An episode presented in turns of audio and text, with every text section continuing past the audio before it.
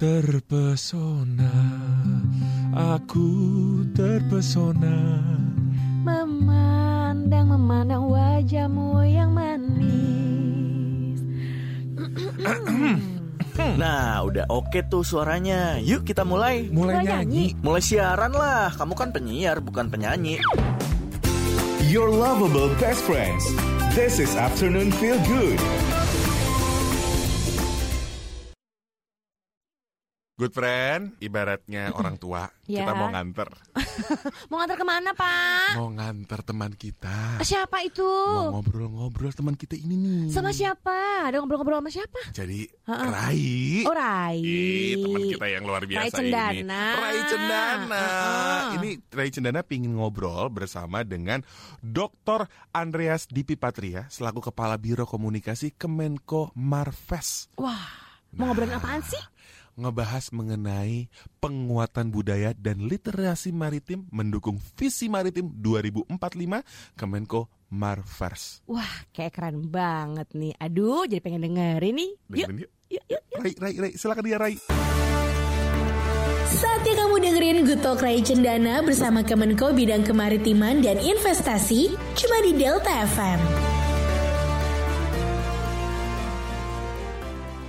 Halo good friend, apa kabarnya nih? Senang banget hari ini Rai Cendana bisa kembali menemani kamu di Good Talk dan seperti biasa di Good Talk selalu menghadirkan berbagai narasumber yang spesial.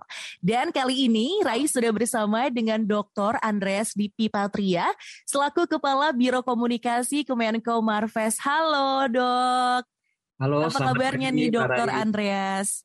Baik, alhamdulillah sehat Mbak Rai.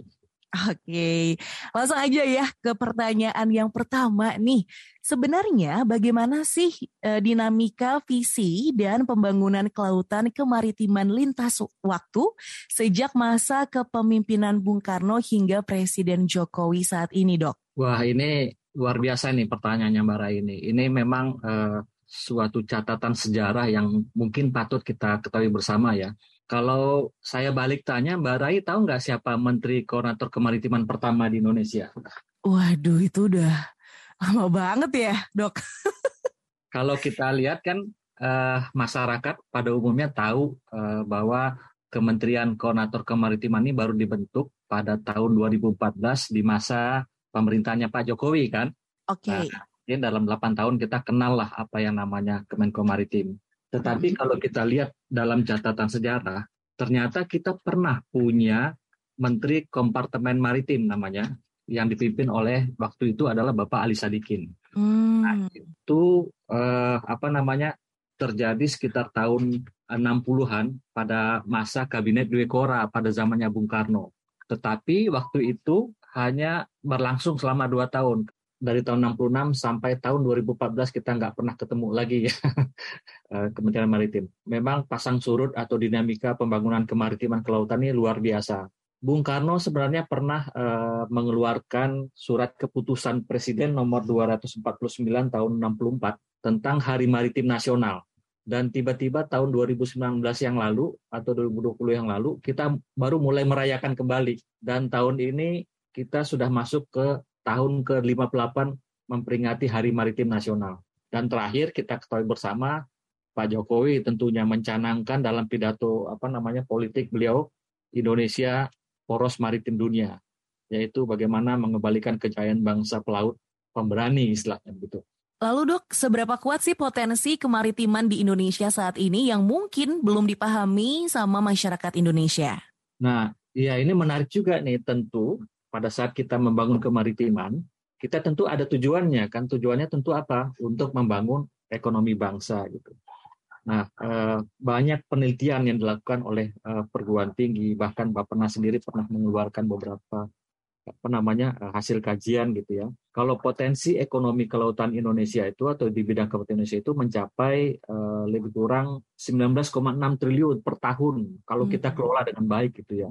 Tetapi kalau kita eh, lihat eh, kebetulan kami beberapa waktu yang lalu dengan teman-teman BRIN atau eh, Badan Riset dan Inovasi Nasional melakukan riset tentang ekonomi maritim gitu ya tahun 2020 yang lalu eh, kontribusi ekonomi maritim kita ini baru mencapai sekitar eh, 1,2 triliun atau baru 10 persen lah atau 11 persen dari PDB nasional. Oke, lalu kenapa nih dok? Visi eh, kemaritiman terkesan timbul tenggelam seiring dengan bergantinya rezim pemerintahan. Padahal nih kalau melihat dari sisi potensi kelautan Indonesia sangat besar ya dan menguntungkan juga nih bila dikelola dengan baik. Nah, ini yang menjadi kata kunci nih Mbak Raini, ini menarik ya. Pada perayaan Hari Maritim ke-57 yang lalu, eh, Mhm. Presiden Jokowi ini pernah menyampaikan pidatonya. Eh, ada sebaris kalimat yang patut kita kutip untuk untuk apa dalam dalam pidatonya Pak Jokowi itu. Pembangunan kemaritiman tidak dilakukan melalui jargon-jargon semata. Perlu kerja nyata agar Indonesia bisa menjadi poros maritim dunia. Itu kutipan kata-kata beliau kira-kira demikian gitu. Nah, kalau kita lihat tadi dari pertanyaan pertama, kita dinamikanya pasang surut ya Mbak Raya. Eh, Masing-masing presiden tuh punya semangat, punya ide dan punya apa namanya eh, hal-hal perhatian khusus lah tentang kemaritiman. Oke. Tapi dalam faktanya kita melihat dalam struktur eh, pembangunan nasional, tentu kita harus melihat bagaimana eh, kemaritiman ini harus masuk dalam struktur perencanaan pembangunan. Pertama, kita siapkan targetnya, kita siapkan programnya, kita siapkan anggarannya, dan kita siapkan sumber daya manusia atau pelaku dan kelembagaannya kan. Maka semua akan bisa bergerak gitu. Nah, oleh karena itu tentu untuk kita bisa mewujudkan itu harus kita masukkan dalam struktur perencanaan yang betul-betul komprehensif ya dan inklusif menurut saya dan melibatkan banyak banyak apa namanya banyak sektor dan banyak pihak gitu. Oke. Itu kira-kira Mbak Rai. Oke dok, good friend. Jangan ke mana-mana karena Rai dan juga Dr. Andreas bakal balik lagi. Jadi tetap di Good Talk Delta FM. Bersama Kemenko Bidang Kemaritiman dan Investasi, kita wujudkan Indonesia maju yang berdaulat, mandiri, dan berkepribadian berlandaskan gotong royong.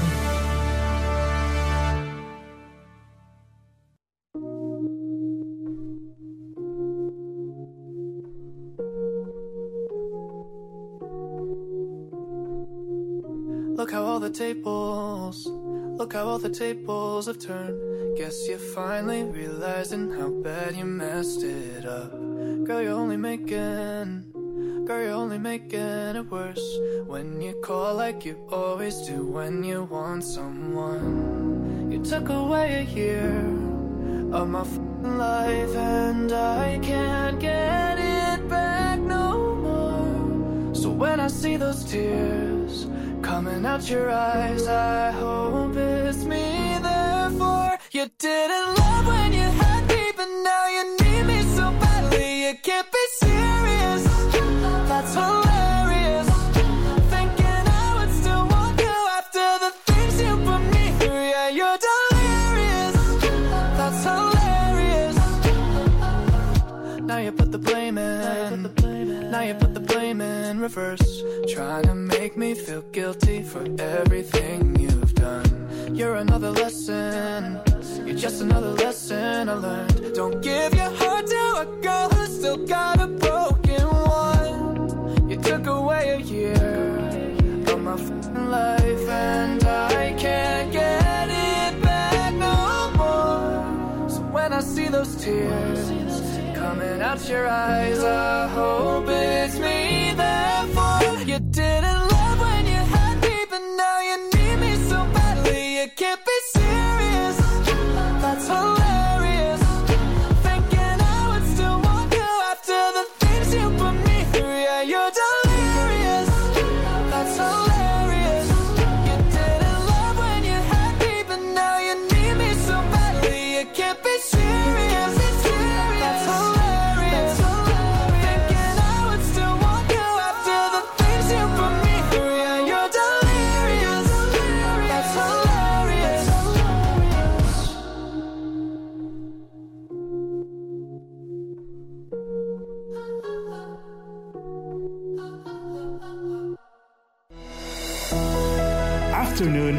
Good.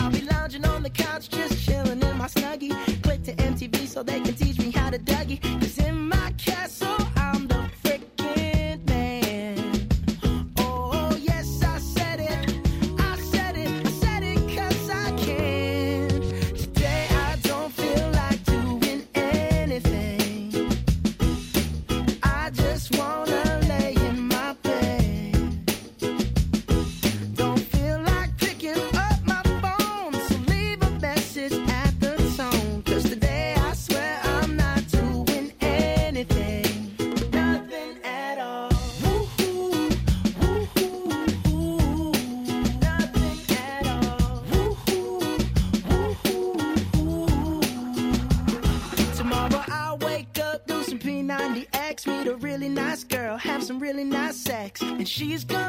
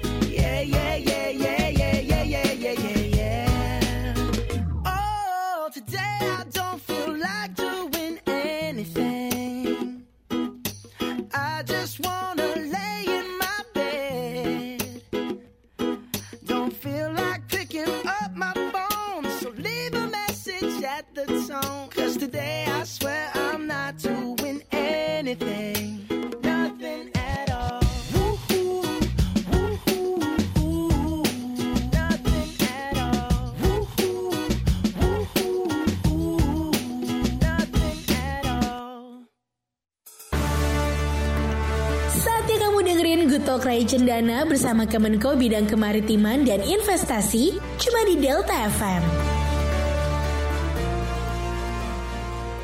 Kamu masih di Afternoon Feel Good Delta FM dan masih bersama dengan narasumber kita dari Kemaritiman. Kita lanjut lagi nih, Dr. Andreas, apa aja yang saat ini telah dilakukan pemerintah untuk mendukung visi maritim 2045? Baik, Mbak Rai. Eh, visi maritim 2045 ini adalah eh, suatu target ya atau cita-cita kita pada saat 100 tahun Indonesia merdeka. Jadi kita mengambil eh, momentum di 2045. Nah, kemudian tahun dep- eh, tahun 2025 yang akan datang, tentu kita akan masuk lagi dalam periode eh, pemerintahan yang baru dan perencanaan yang baru. Kita akan menyusun rencana pembangunan jangka panjang yang berlaku 20 tahun dan kemudian dalam setiap 20 tahun itu setiap lima tahun kita akan menyusun rencana pembangunan jangka menengah.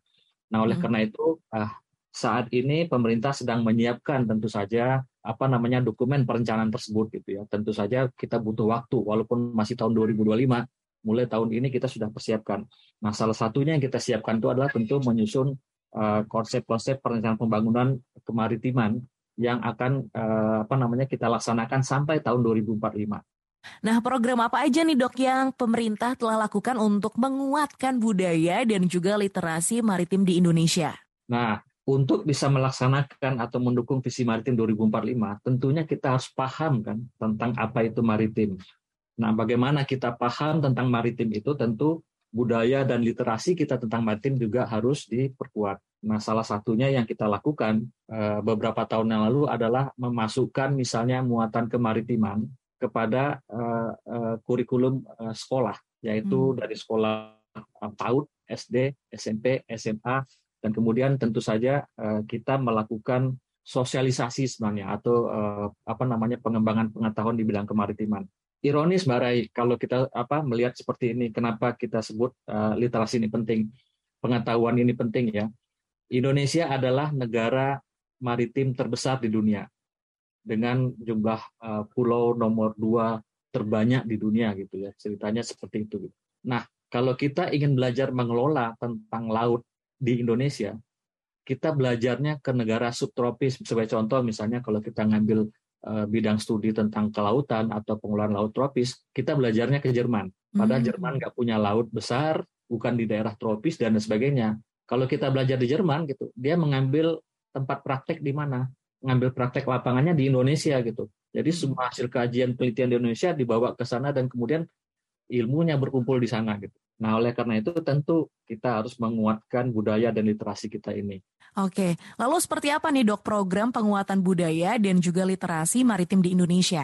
Nah, eh, terkait dengan ini, kami mengajak semua pihak sebenarnya. Ada komunitas, perguruan tinggi, kemudian ada eh, lembaga-lembaga profesi.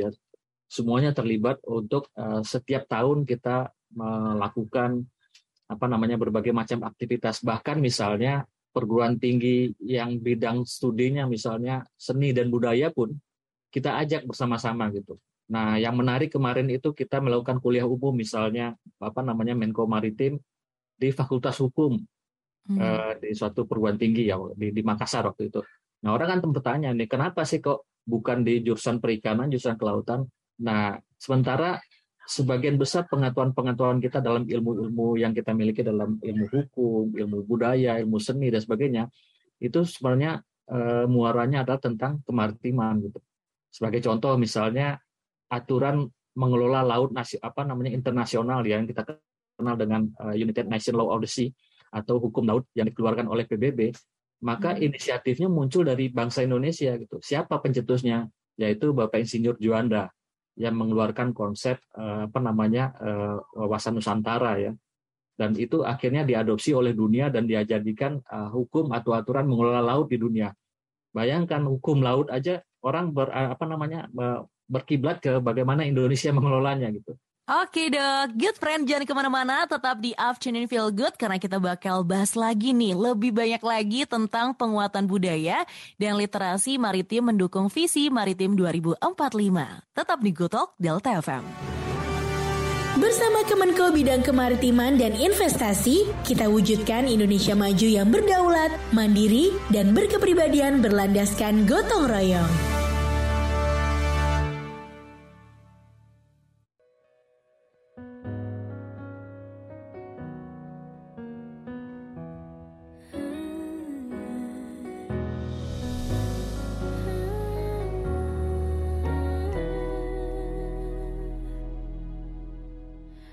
Tenggelam. Jiwaku dalam angan Tersesat hilang dan tak tahu arah.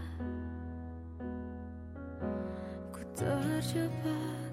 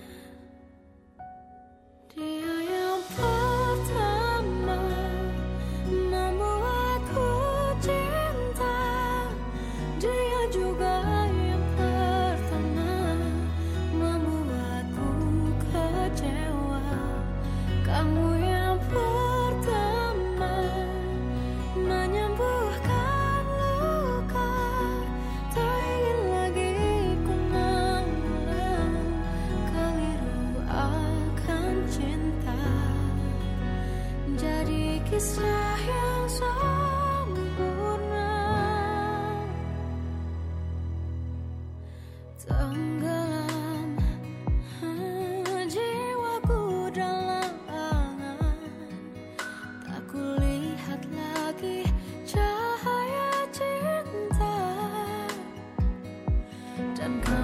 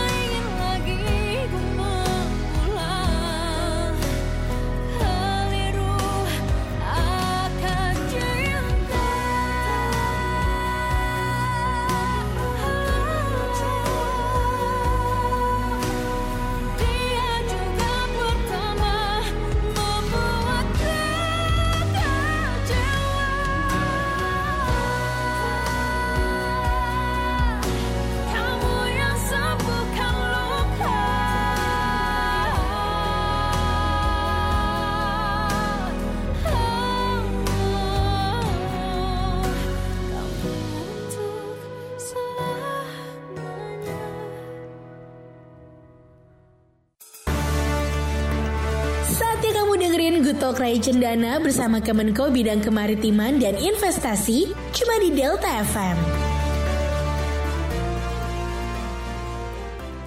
Good friend masih bersama Rai Cendana dan juga Dr. Andrea selaku Kepala Biro Komunikasi Kemenko Marves dan kita lanjut lagi nih untuk sekarang Rai mau nanya ke dokter pastinya nih apa yang bisa dilakukan sama masyarakat nih dok untuk bisa juga eh, mendukung penguatan budaya dan literasi maritim di Indonesia.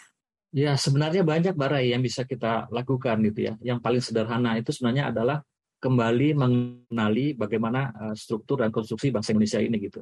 Kita ini negara yang terdiri dari 70% wilayahnya itu adalah uh, perairan dan kemudian hanya 30% daratan gitu. Nah, oleh karena itu uh, dari tindakan-tindakan sehari-hari di masyarakat seperti misalnya kita ketahui bersama ya Indonesia ini disorot oleh dunia karena apa lautnya itu tercemar sampah plastik nomor dua terbesar di dunia. Nah itu akibat apa? Akibat perilaku kita sehari-hari ini yang yang apa namanya uh, memanfaatkan plastik dengan tidak bijaksana gitu ya, kemudian membuang sampah sembarangan, yang ujung-ujungnya bermuara pada kerusakan laut Indonesia misalnya. Jadi uh, dari hal-hal kecil sampai hal-hal yang uh, apa namanya agak sedikit akademis itu ya, banyak yang bisa dilakukan. Oleh karena itu tentu mengetahui, memahami dan kemudian eh, apa namanya mengerti tentang itu akan memudahkan kita nanti beraktivitas di negara yang 70%-nya lautan ini, Mbak Rai. Lalu apa aja nih dok dampak yang nyata setelah adanya penguatan budaya dan juga literasi maritim terhadap visi maritim 2045? Nah, ini tentu akan kembali ke pertanyaan awal Mbak Rai tadi gitu.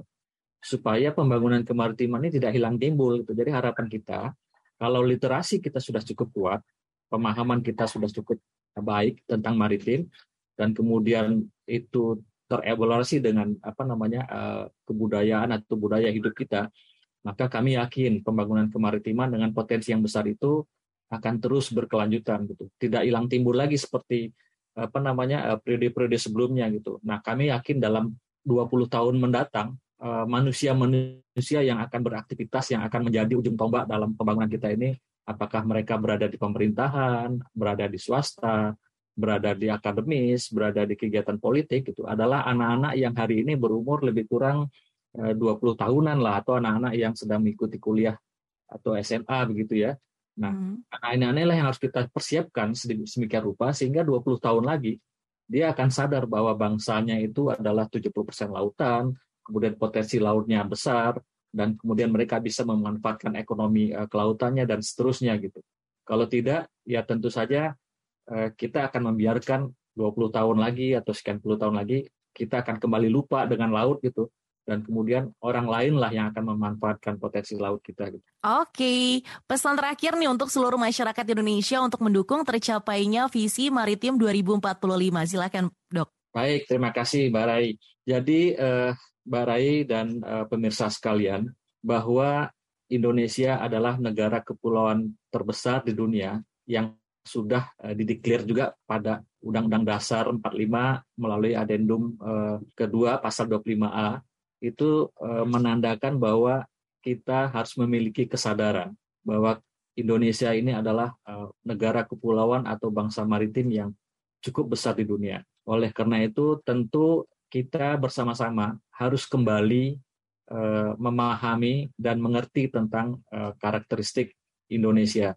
Oleh karena itu dengan memahami dan uh, mengerti tentang karakteristik Indonesia, tentu kita bisa mengoptimalkan pemanfaatan sumber daya baik sumber daya uh, kelautan, sumber daya maritim, dan sumber daya alam yang ada di Indonesia yang memang 70 persennya adalah uh, potensi kemaritiman, sehingga tentu kita bisa memanfaatkan itu untuk kemakmuran dan kesejahteraan bangsa kita di masa mendatang. Gitu. Kami yakin Indonesia ini akan menjadi negara yang besar di waktu yang akan datang, gitu ya. Sehingga kemampuan kita mengelola, memanfaatkan sumber daya ini, sehingga kita menjadi bangsa yang mandiri, bangsa yang kuat, dan tentu saja kita mampu bersaing ya secara apa namanya internasional akan memastikan uh, Indonesia menjadi negara yang maju. Oleh karena itu semua landasannya adalah bagaimana kita memiliki pengetahuan dan memperkuat uh, budaya nasional kita sendiri. Oke good friend, gak kerasa sudah di penghujung acara dan saatnya Rai pamit dulu. Terima kasih sekali lagi untuk Dr. Andreas selaku Kepala Biro Komunikasi Kemenko Marves. Sekali lagi terima kasih dokter. Bersama Kemenko Bidang Kemaritiman dan Investasi, kita wujudkan Indonesia maju yang berdaulat, mandiri, dan berkepribadian berlandaskan gotong royong.